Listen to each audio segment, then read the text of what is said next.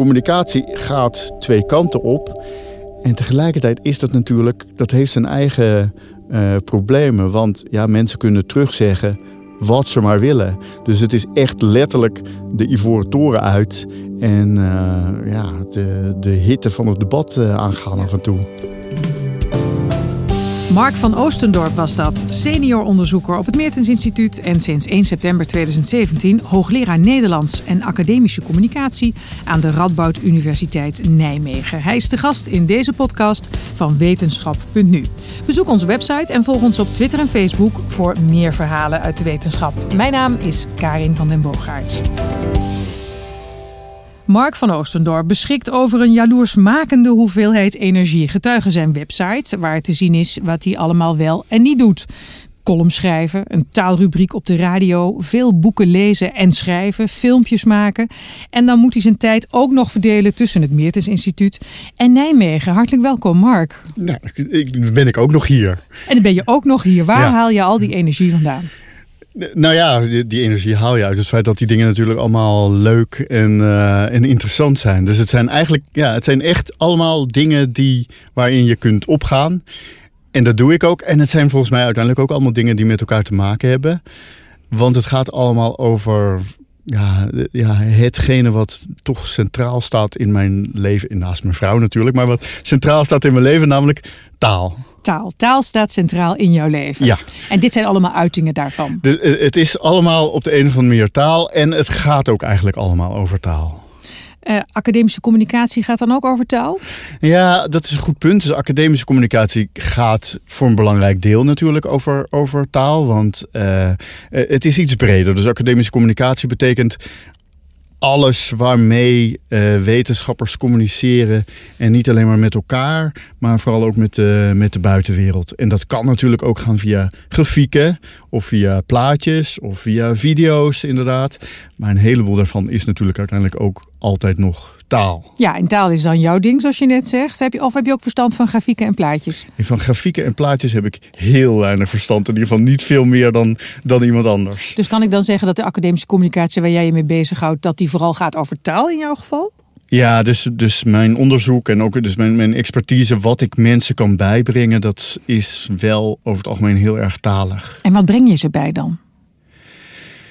Uh, ja, kijk, er is in, in, in de wetenschap is er gaandeweg in de loop van de afgelopen decennia, ik heb dat echt kunnen zien, steeds meer bewustzijn gekomen dat het belangrijk is om naar buiten te treden, om met mensen te kunnen communiceren. En tegelijkertijd hebben mensen geen duidelijk idee van hoe dat dan precies zou moeten. Hoe je dat precies zou moeten doen. De wetenschappers zelf bedoel je? De, de, de, de wetenschappers zelf hebben dat niet. En eigenlijk iedereen eromheen zit daar ook naar te kijken en weet het eigenlijk ook niet precies. Hè? Ook in de wetenschapsjournalistiek. Uh, ook de, de voorlichters van, uh, van de universiteiten. Dat lijkt me eigenlijk zo'n beetje de drie belangrijkste groepen die je hebt. En alle drie, ja, je wordt geconfronteerd met internet, met allerlei maatschappelijke ontwikkelingen uh, die er zijn. Dat verandert allemaal heel erg. Dus terwijl uh, ze meer naar buiten willen treden, de wetenschappers meer naar buiten willen treden, de universiteiten meer naar buiten willen treden, is, wordt dat naar buiten treden zelf ook steeds anders? Het wordt anders, maar het is toch wel mogelijk. Kijk, uh, wij hebben nu met uh, Science On Air het platform Wetenschappen nu opgericht, waar wetenschappers kunnen bloggen, vloggen. Ja. ze worden geïnterviewd in onze podcast, zoals jij nu. Dus je kunt op veel meer manieren naar buiten treden dan ja, eerder. Dus zeker. Dus dat is het probleem niet. Zeker. Nee, dus nee, maar dus vroeger, ik, uh, ik heb mijn eerste populair wetenschappelijke boek, zo heette dat toen nog. En dat was het toen nog. Dat, die heb ik uh, wanneer was dat? Zo'n beetje in 96, dus 20 jaar geleden, meer dan 20 jaar geleden, uh, uitgebracht. En dat was toen de manier. Dus dan moet je naar een uitgever gaan. Die uitgever moet dat maar willen, zo'n boek daarover uitgeven. Die heeft er zelf ook weer allerlei eisen over. Dat was dus veel ingewikkelder dan nu bijvoorbeeld bloggen. Nee. Dat betekent een stukje schrijven en het erop zetten. En er is niemand die, die daar je dwars zit uh, daarbij. Dus het is veel makkelijker. En iedereen kan dat doen. Er is geen enkele obstakel met het uh, opzetten van een blog. Tegelijkertijd, met zo'n uitgever, dan heb je een redacteur. De redacteur die kijkt ernaar, die, ma die maakt er hopelijk nog een keer wat van. En uh, dat heb je nu juist dus tegelijkertijd weer veel minder. En vooral denk ik, het was toen, zoals ik zei, het was een populair wetenschappelijk boek. Dat, dat was het soort woord, populair wetenschappelijk. Dat was het woord dat je toen nog gebruikte. En dat woord is gaandeweg aan het verdwijnen. En dat heeft te maken met de opkomst van internet. Omdat ja, populair wetenschappelijk, dat suggereert heel erg dat je. Je hebt de wetenschap, je hebt een bepaald soort inhoud, die heeft een bepaalde vorm. Die ga je vertalen voor het algemene publiek. Vereenvoudigen meestal. Je, je vereenvoudigt het en je maakt het aantrekkelijker. Je maakt er een verhaal omheen. Je maakt het, je maakt het op de een of andere manier interessanter. En dat geef je dan aan dat publiek. En die zoeken het verder zelf maar uit. Die moeten er dan maar mee doen wat, wat, zij, wat zij willen. Maar die nieuwe media die maken het mogelijk dat dat publiek ook wat terugzegt. Uh, dat ze vragen stellen. Hè? Dus er is veel meer het heet tegenwoordig vaak daarom wetenschapscommunicatie. En communicatie gaat twee kanten op. En tegelijkertijd is dat natuurlijk, dat heeft zijn eigen uh, problemen. Want ja, mensen kunnen terugzeggen wat ze maar willen. Dus het is echt letterlijk de ivoren toren uit. En uh, ja, de, de hitte van het debat uh, ja, af en toe. Maar zeg jij dan, de wetenschap is daar eigenlijk niet toe geëquipeerd om een reactie weer terug te geven op zijn uitingen? Want dat, dat suggereer je nu. Ja, nou ja, ik denk dat eigenlijk niemand er echt toe geëquipeerd is. Dus dat iedereen, dat mensen ook in de politiek uh, en ook in, vooral ook in allerlei andere gebieden heel erg moeten wennen aan, uh, aan uh, deze nieuwe vormen van communicatie. Um, en het geldt, zoals gezegd, vooral eigenlijk ook aan allerlei andere gebieden die ook niet zo gewend waren dat ze zo erg meteen zelf in de spotlight zouden staan. Dus de uh, rechters of zoiets, hè?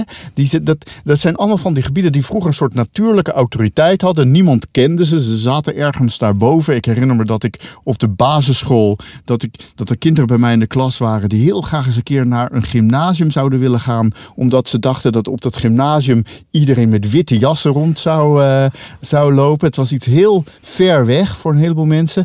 En nu komt alles dichterbij. De rechterlijke macht komt dichterbij.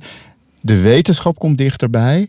En dus kunnen mensen het van nabijer zien, er van nabijer kritiek op hebben.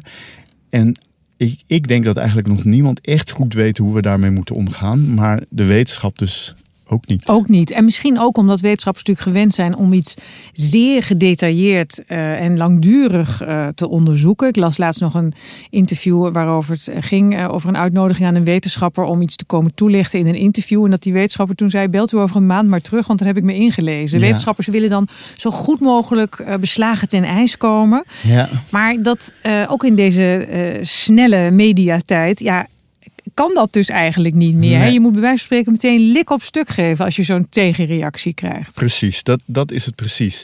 En en, en, en, dat moet je doen terwijl je tegelijkertijd wel je wetenschappelijke integriteit op de een of andere manier weet uh, te bewaren. Dus dat je niet. Je, je bent wetenschapper uiteindelijk, je wordt betaald als wetenschapper juist om ook een beetje aan de zijlijn te gaan staan en een beetje van die zijlijn te kijken naar de samenleving. En dus wat langer na te denken en wat dieper na te denken. En daar de balans tussen vinden. Dus tussen die wet van de moderne media van meteen antwoorden. En de wetten van de traditionele wetten van de wetenschap van eerst 500 boeken daarover lezen. Dat is de kunst die we moeten gaan uitvinden. Denk je dat het wel urgenter is geworden dat wetenschappers zich uitspreken in deze tijd van de alternatieve feiten? We hadden laatst een klimaatdiscussie. Eh, Thierry Baudet had er iets eh, geroepen waar weerman Gerrit Hiemstra heel boos over werd over het klimaat. Uh, we hebben de antivaccinatietypes, die denken dat je daar autisme van krijgt. Dus die laten hun kinderen niet vaccineren. Het onderwerp is volop in het nieuws. Jonica Smeets heeft zich erover uitgesproken. Rosanne Hertzberger uh, roept op: wetenschapper, spreek je uit. Ja.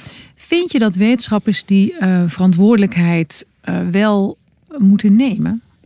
Ik, ik denk dat het ja, ik denk, ik, ik denk dat dat zo is. Dus ik denk dat wetenschappers staan voor een, voor een bepaalde manier van kijken naar die werkelijkheid. Juist ook dus die een beetje afstandelijke manier van kijken van de werkelijkheid. Een beetje een onpersoonlijke, onpersoonlijke manier van kijken naar de werkelijkheid. Dat is allemaal gaat allemaal heel erg in tegen de wetten van de, van de media. Dat proberen een beetje onthecht. Niet wat je zelf allemaal vindt, maar hoe dat nou echt zit. Dat goed te bekijken. En tegelijkertijd is dat een heel belangrijke stem om te laten horen. En wetenschappers zijn de beste die dat uh, kunnen doen. Er is niemand die dat zo goed kan doen als de wetenschapper zelf. En dat is dus een beetje een paradox. Dus als ik goed begrijp wat Rosanne Hertzberger bijvoorbeeld daarover schrijft, dan zegt ze inderdaad: wetenschappers spreek je uit, maar vooral ook wetenschapper laat je zien. Laat, laat, laat jouw persoonlijkheid op de een of andere manier zien. Laat zien. Uh, hoe je denkt en hoe je bent. Want ik ben het ook met haar eens, het grote, de grote crisis die er achter die klimaatcrisis zit, die er achter die vaccinatiecrisis zit, is een crisis in vertrouwen in de, in de wetenschap. Dat mensen niet meer het natuurlijke vertrouwen hebben in wat de professor uh, uh, zegt. En ja, daar kun je over treuren, maar dat is nou eenmaal zo. En het enige wat je kunt doen is dat vertrouwen proberen te herstellen. En volgens mij de enige manier waarop, waarop mensen vertrouwen kunnen krijgen is zien uh, wie het zegt. En daardoor proberen te begrijpen waarom zo iemand dat zegt. En natuurlijk zijn er ook charlatans in de wetenschap. We hebben natuurlijk het verschrikkelijke Diederik Stapel uh, ja. schandaal gehad. Dus dat helpt daar dan alweer niet aan mee. Maar je zou kunnen zeggen, dat komt in elke uh, bedrijfssector wel een keertje voor. Mm -hmm. hè? Mhm. Dus ook in de wetenschap. Nou ja, bovendien uh, is het gelukkig eigenlijk zo dat vrijwel al dit soort gevallen, zeker Stapel, maar ook de meeste van die andere schandalen, die zijn aangedragen vanuit de wetenschap zelf. Hè? Dus, dat, dus het is niet, zijn niet uh, buitenstaanders die daarmee komen, het zijn de wetenschappers zelf. Een soort zelfreinigend vermogen. Het is dan alleen jammer, inderdaad, dat heeft te maken met ook weer met hoe media werken. Het is jammer dat het wordt dan gefocust natuurlijk op die, op die gevallen.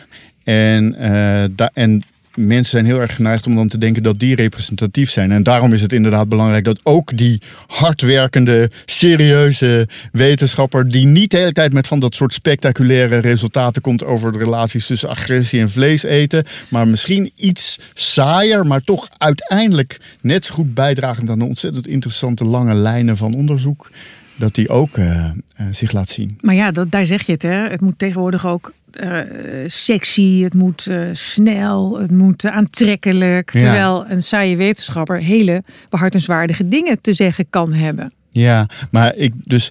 Ik denk ook niet dat iedere wetenschapper per se alles moet kunnen. Dus ik denk dat het heel goed is dat je bepaalde onderzoekers hebt die eigenlijk met niemand kunnen praten. En die alleen maar op hun kamertje de hele tijd zitten om wiskunde, ingewikkelde wiskundige problemen op te lossen.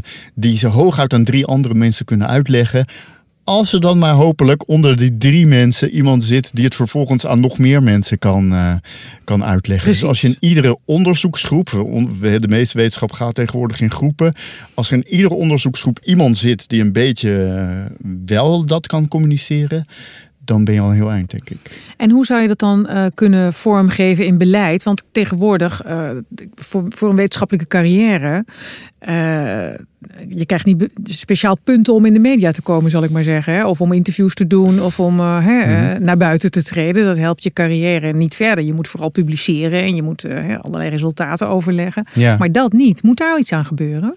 Nou, ik denk, ik denk niet dat dit hoeft te worden opgelost op, in termen van het hogere ordebeleid. Ik zal maar zeggen de, het ministerie, want het ministerie zegt niet... je mag alleen maar worden afgerekend op uh, publicaties in internationale tijdschriften. Dat zeggen uiteindelijk die onderzoek, onderzoeksgroepen zelf. En ik denk dat, ik denk dat, het, dus dat het moet gebeuren op het niveau van de onderzoeksgroepen. En dat die dus een verstandig beleid moeten voeren waar een soort diversiteit wordt nagestreefd. Dat ze, dat ze een aantal mensen. En dat geldt niet alleen maar voor, die, voor dat naar buiten treden naar het grote publiek. Het geldt denk ik ook voor zelfs voor het schrijven van een artikel tegenover het doen van onderzoek. Het is gewoon slim om een groep te hebben waar mensen verschillende dingen in, in kunnen. En je hebt geen groep je hebt geen goede, goede groep onderzoekers als je alleen maar mensen hebt die zo gefocust zijn op uh, deze topprestaties op het, op het niveau van onderzoek. Je hebt iemand nodig die heel goed is in het schrijven van onderzoeksaanvragen. Je hebt iemand nodig die heel goed is in het verdedigen van die onderzoeksaanvragen voor een commissie.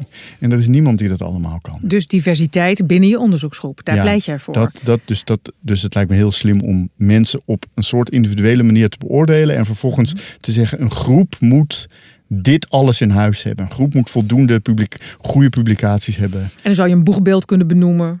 Uh, die, het, die enthousiast is en die het goed kan uitleggen, die de, het woord naar buiten doet, bijvoorbeeld. Ja, zo, dus ik denk dat. En, en die tegelijkertijd, dus ik denk die tegelijkertijd ook echt helemaal in dat onderzoek meedraait. He? Dus niet, het, niet, niet bij, aan iedere groep voeg je niet een wetenschapsjournalist toe dat is gewoon nog weer een ander soort functie. Mhm. Maar je voegt aan iedere groep iemand toe die dat ook kan. Die die brug kan slaan naar bijvoorbeeld de wetenschapsjournalist. En maak je dan de afdeling communicatie op de universiteit overbodig? Uh, nee, dat denk ik niet. Want de, de, kijk, de universiteit als geheel wil misschien ook nog dingen uh, communiceren. Die wil daar ook nog beleid in uh, voeren. En die wil dat die verschillende groepen op de een of andere manier met elkaar af worden afgewogen tegenover elkaar. Je lacht nu een beetje alsof je eigenlijk iets anders wil zeggen. Ehm ik, wil ik iets anders zeggen? Nou ja, kijk, ik ik heb niet een heel duidelijk plan over wat nu de, wat nu de afdeling voorlichting van de universiteit zou moeten doen. Maar de ervaring, het is eigenlijk meer zo, de ervaring leert dat uiteindelijk nooit iemand echt overbodig blijkt te zijn. Dat het, dat het, het, het, zal een beetje. Dus ze zijn overbodig in die zin van dat een, ik denk dat een heleboel wat zij nu doen, dat dat door anderen kan worden gedaan. Maar tegelijkertijd is er zo ontzettend veel werk te doen dat als ze iets als zo'n afdeling iets anders gaat doen, dan zijn ze nog steeds heel nuttig. Goed, maar in ieder geval uh, schaar jij je achter de oproep van Rosanne Hertzberger, wetenschapper. Van harte, ja. Spreek je uit. Het is, het is een beetje ongenuanceerd, maar als manifest is het heel geschikt. Maar eigenlijk ben je ook gewoon een wetenschapper, eh, Mark. Met alles wat je doet. met je uitspreken op je site, zoals ik net allemaal zei. In allerlei verschillende vormen. Van welk onderzoek kunnen we je kennen?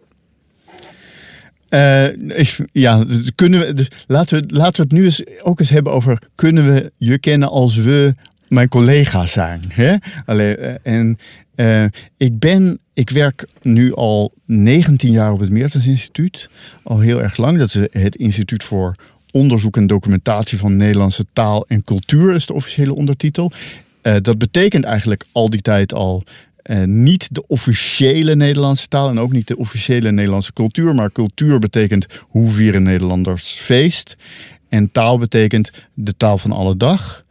En dat betekende van oudsher dialecten. En dat is, tegenwoordig is het een beetje uitgebreid naar andere soorten, jongere taal, andere soorten talen. Maar voor mij zijn die dialecten eigenlijk nog steeds wel heel erg uh, belangrijk. Het is het. Um, dialecten die bestaan ook nog steeds. Dus 50 jaar geleden was het al zo dat uh, mensen van het Meertens Instituut zeiden: we moeten alles nu snel vastleggen, want tegen in het jaar 2000 spreekt niemand meer dialect. En dat blijkt toch niet zo te, te zijn. Dat is niet zo, maar in mijn eigen dialect zie ik steeds meer Nederlandse woorden opduiken. Ja, dus wat er wel gebeurt, en ook wat steeds meer gebeurt, is dat dialecten steeds meer op elkaar beginnen te lijken en dat ze steeds meer op het standaard Nederlands uh, beginnen te lijken. Is dat dan een begin van uitsterven toch, geleidelijk aan? Of? Nou, dus wat je vroeger had, wat je dan 50 jaar geleden had, of misschien eigenlijk nog iets langer geleden had. Dus in de jaren 50, dan gingen mensen van het Meertens Instituut op hun fiets van het ene dorp naar het andere dorp over een of ander zanderig landweggetje.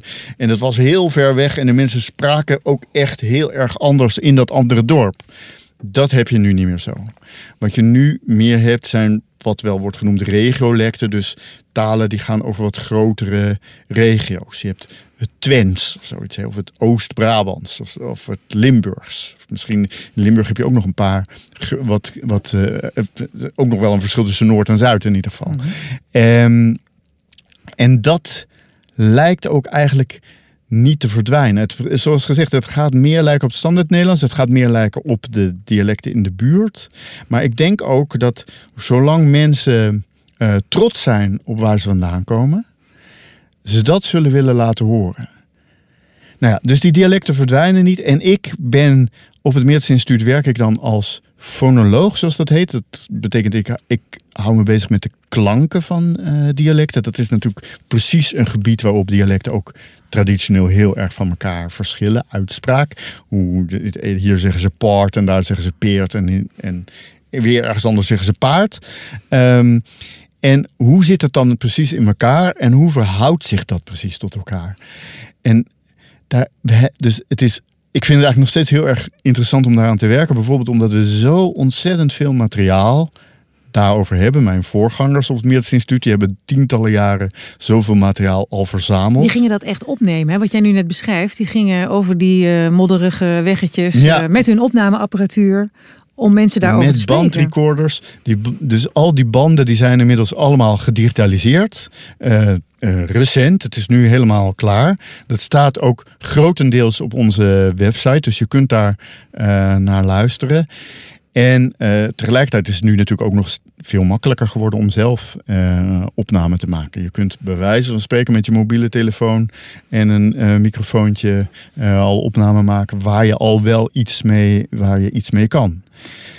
En ehm, en doe je dan ook grensoverschrijdend onderzoek? Want als je in het oosten van het land zit, Twente in de Achterhoek, daar heb je uh, net over de grens met Duitsland spreken mensen natuurlijk ongeveer hetzelfde. Ja, nou, ik, dus je onderzoekt dialect en dan een volgende vraag kan natuurlijk zijn: waarom doe je dat? Waarom doe je dat nou, eigenlijk? waarom doe je dat eigenlijk? Dus uh, het is, het, je kunt zeggen: het is heel interessant, het is een soort erfgoed, Nederlands mm. erfgoed en dat is ook allemaal waar. Mijn eigen fascinatie zit eigenlijk vooral uiteindelijk toch vooral bij een soort algemenere vraag, namelijk hoe werkt taal eigenlijk? En hoe verandert taal? Dialect, dialectenonderzoek gaat heel erg over hoe taal verandert. Want uiteindelijk komt het allemaal ooit, is het allemaal ooit uit eenzelfde bron gekomen. Dus het zijn allemaal variaties op hetzelfde uh, thema. En uh, dus in, mijn idee is dat je daar heel erg veel van kunt leren door te kijken naar, zo'n, door te kijken naar een gebied.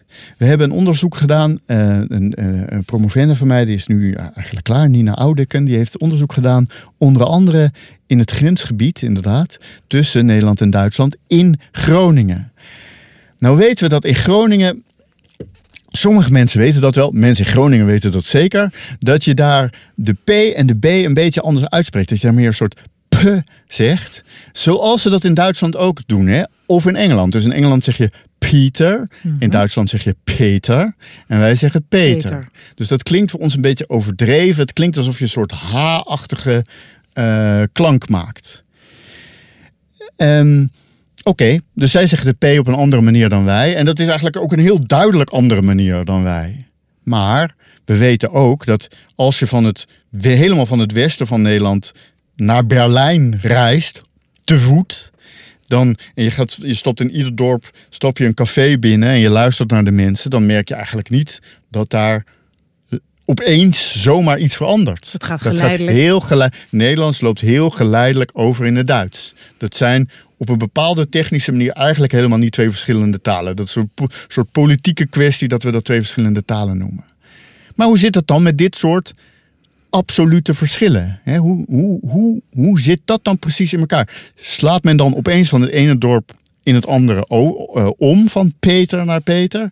Of uh, uh, gaat dat geleidelijker? En wat was er eerst? En hoe kan het dat de Engelsen en uh, de Duitsers zo bij elkaar liggen en wij juist weer niet? Ja, dus meestal zit wij, wij Nederland zit meestal tussen Duits en Engels in op allerlei manieren. Bijvoorbeeld Duits heeft een heleboel naamvallen en een heleboel werkwoordsuitgangen en het Engels heeft helemaal geen naamvallen, bijna geen werkwoordsuitgangen meer. Dus I work, you work, he works. Dat is, die is dan anders. We work, you work, they work. Het is allemaal hetzelfde. En het Nederlands zit daartussenin. Die heeft nog een beetje van dat soort uitgangen. Uh, dus op alle, en dat geldt voor op allerlei, op allerlei plaatsen. Wij doen een beetje, we doen, in het Duits zeggen ze größer als, in het Engels zeggen greater than. En in het Nederlands vind je zowel mensen die groter dan zeggen als mensen die groter als zeggen. Het wij zijn echt zelf een soort overgangsgebied tussen Engels en Duits. Maar op dit punt niet. Op dit punt doen wij het opeens anders. En hoe anders doen wij dat dan? Ja, wij doen het eigenlijk zoals. Uh, de Romaanse talen doen. Zoals het Frans, het Italiaans, het Spaans doen. En Frans is waarschijnlijk daarbij het belangrijkste. In ieder geval, dat wordt wel gedacht. Wij doen het dus eigenlijk op de Franse manier. Dus we hebben daar, dat is een, misschien al duizenden jaren geleden, hebben we dat. Is, in dit gebied werd Frans, dit gebied uh, wil zeggen dat we nemen dit gebied nu als het hele gebied waar nu Nederlands wordt gesproken, dus vooral in het zuiden daarvan, wat nu Vlaanderen is. Daar werden eigenlijk allebei die talen een beetje door elkaar gesproken en die hebben elkaar beïnvloed. En dus zijn wij daar op zijn Frans pe en be gaan zeggen. En niet op zijn Germaans, zoals de Engelsen, de Duitsers, maar ook de Scandinavische talen doen. Pe en be. En uitzoeken hoe dat nou gekomen is, dat is dus, was in dit onderzoek de uitdaging. Ja, en daar leer je dus iets van over de geschiedenis van het Nederlands. Je leert iets over hoe die dialecten in elkaar zitten, maar je leert ook iets over hoe taal werkt op dit hele microniveau, op dat hele kleine niveautje. Hoe dat, zo, zoiets wat op mij fascineert, dat is ontzettend dat de hele kleine, onbenullige verschil in uitspraak, hoe je daar zo ontzettend veel verschillende dingen uit kunt leren. Fascinerend, hè? Ja, ja, ja. Ik hang aan je lippen. Ik Ja. vind het fascinerend.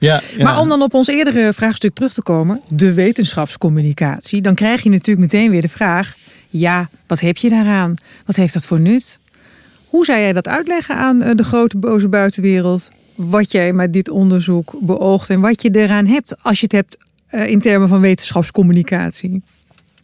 Nou, je, dus er zijn verschillende soorten antwoorden op. Dus er, is een, eh, er, zijn het soort antwoorden op waar, waar, waar sommige mensen overtuigd worden en ik zelf misschien nog niet eens zo heel erg in geloof. Ehm, maar kijk, er zijn natuurlijk wel degelijk praktische toepassingen denkbaar. Eh, eh, bijna iedereen heeft tegenwoordig een mobiel telefoontje eh, dat eh, pretendeert dat hij kan verstaan wat je, wat je tegen hem zegt. Maar om dat echt goed te laten werken, moet je dus eigenlijk ook dit soort subtiliteiten wel goed hebben. Dus moet je ook precies weten. Kijk, wat is het verschil tussen een P en een B? Een P en een B maak je allebei op dezelfde manier. En die hebben ook dezelfde componenten in het klanksignaal, om het even technisch te zeggen. Dus het is allebei dat je je lippen sluit, dat je de lucht eh, in je mond laat lopen, zodat er een soort druk in je mond ontstaat. Dan open je je lippen. En dan daar, doordat je je lippen opeens opent, ontstaat, komt die lucht er in één keer naar buiten. Dus dat is een soort explosiegeluid. Het heet ook plofklanken. Dus dat is voor de p. Dat is wat je doet. Je kunt het gewoon zelf. eh, ik weet niet waar mensen naar deze podcast luisteren. maar als er niet al te veel mensen om je heen zitten, kun je dat gewoon zelf proberen. Maar eh, dus, en de b is wat dat betreft hetzelfde. Het verschil is, zit, zit in een, nog een andere beweging die je tegelijkertijd maakt. Ehm, eh, eh, namelijk met je stembanden. Je laat je stembanden op een bepaald moment trillen. Als je zegt pa en je legt je vingers op je strottenhoofd, dan voel je vanaf een bepaald moment voel je het trillen. Pa. En bij ba voel je het ook op een bepaald moment trillen. Nou, als je heel precies in milliseconden kunt voelen, dan voel je dat het voor de B eerder gebeurt dan voor de P. En dat is overal het verschil. Eh, maar eh, hoeveel milliseconden en hoe dat dan precies, die twee bewegingen precies met elkaar gecoördineerd worden, daar verschillen dialecten van elkaar. Maar dat is dus ook voor een computer uiteindelijk nuttig om te weten. Dat dat het verschil is waar je op moet letten eh, om het verschil te horen tussen paard en baard. Onafhankelijk van of iemand uit Groningen komt of dat iemand uit Zeeland komt. Dat, dus eh, dat is hetgene waar je op moet letten. Dat is dus het praktische nut. Eh, tegelijkertijd denk ik dat het ook gewoon, ja, wij zijn mensen. We zitten hier in deze rare wereld. Ik heb in ieder geval het idee dat ik er uiteindelijk allemaal niks van begrijp. Dus het is. En taal is zo belangrijk voor de mens. Dat is, taal is wat de mens tot mens maakt. Dus mijn. eh, dus dat is mijn, mijn eigenlijke echte drijfveer is niet zozeer die computers, maar wel dat ik denk dat het heel belangrijk is voor de mens om zichzelf beter te begrijpen. En dat de taal daar een hele goede sleutel voor is. En dat sluit aan bij de definitie die jij zelf gegeven hebt eh, van wetenschapscommunicatie. Die heb ik gehoord van je in de podcast onder mediadoktoren. Daar zei je het nut van wetenschapscommunicatie is hetzelfde als het nut van de wetenschap. Het vergroten van de algemene kennis die wij hebben van onszelf en van de wereld eh, om ons heen. Ja, ja, ik denk dat dat zo is. Ja, dus ik, dus, want ik, ik, ik heb het nu, ik zei het nu daarnet op een heel egoïstische manier. Namelijk, dus ik wilde het zelf heel graag weten. Maar ik denk dat dat voor de mensen ook eh, belangrijk is. En dat veel mensen dat ook voelen. Dat het gewoon heel prettig is om jezelf te begrijpen. En dan eh, kun je jezelf begrijpen door een zelfhulpboek te gaan lezen of zo, een psychologieboek te lezen. En ehm, eh, dus kennis over hoe je de P en de B uitspreekt is iets technischer en iets gedetailleerder. En dat geeft dus iets minder rechtstreeks inzicht. Maar uiteindelijk denk ik eh, juist daar, misschien juist daardoor ook wel, juist doordat het dan ook meetbaar is en, en eh, preciezer gemaakt kan worden. eh, uiteindelijk geeft dat denk ik een, ons een, een heel goed beeld van wat de mens is. Ja, de mens. Wat is de mens? Ik zou zeggen, dat gaan we in deel 2 van deze podcast bespreken. Dit was een mooie aanloop. Dankjewel Mark van Oostendorp dat je tijd hebt weten te maken bij al die drukke werkzaamheden voor deze podcast van Wetenschap.nu. Dankjewel. Het was een genoegen. Vergeet je niet te abonneren, zeg ik tegen de mensen die dit eh, hebben beluisterd op onze podcast. We zijn te vinden in onder meer iTunes, de podcast-app Stitcher en Soundcloud. En laat dan ook een recensie achter, want dat helpt ons om hoger in de iTunes-ranking te komen. En wil je reageren op wat je in deze podcast hebt gehoord van Mark van Oostendorp? Dat kan via Facebook en Twitter. Dank voor het luisteren.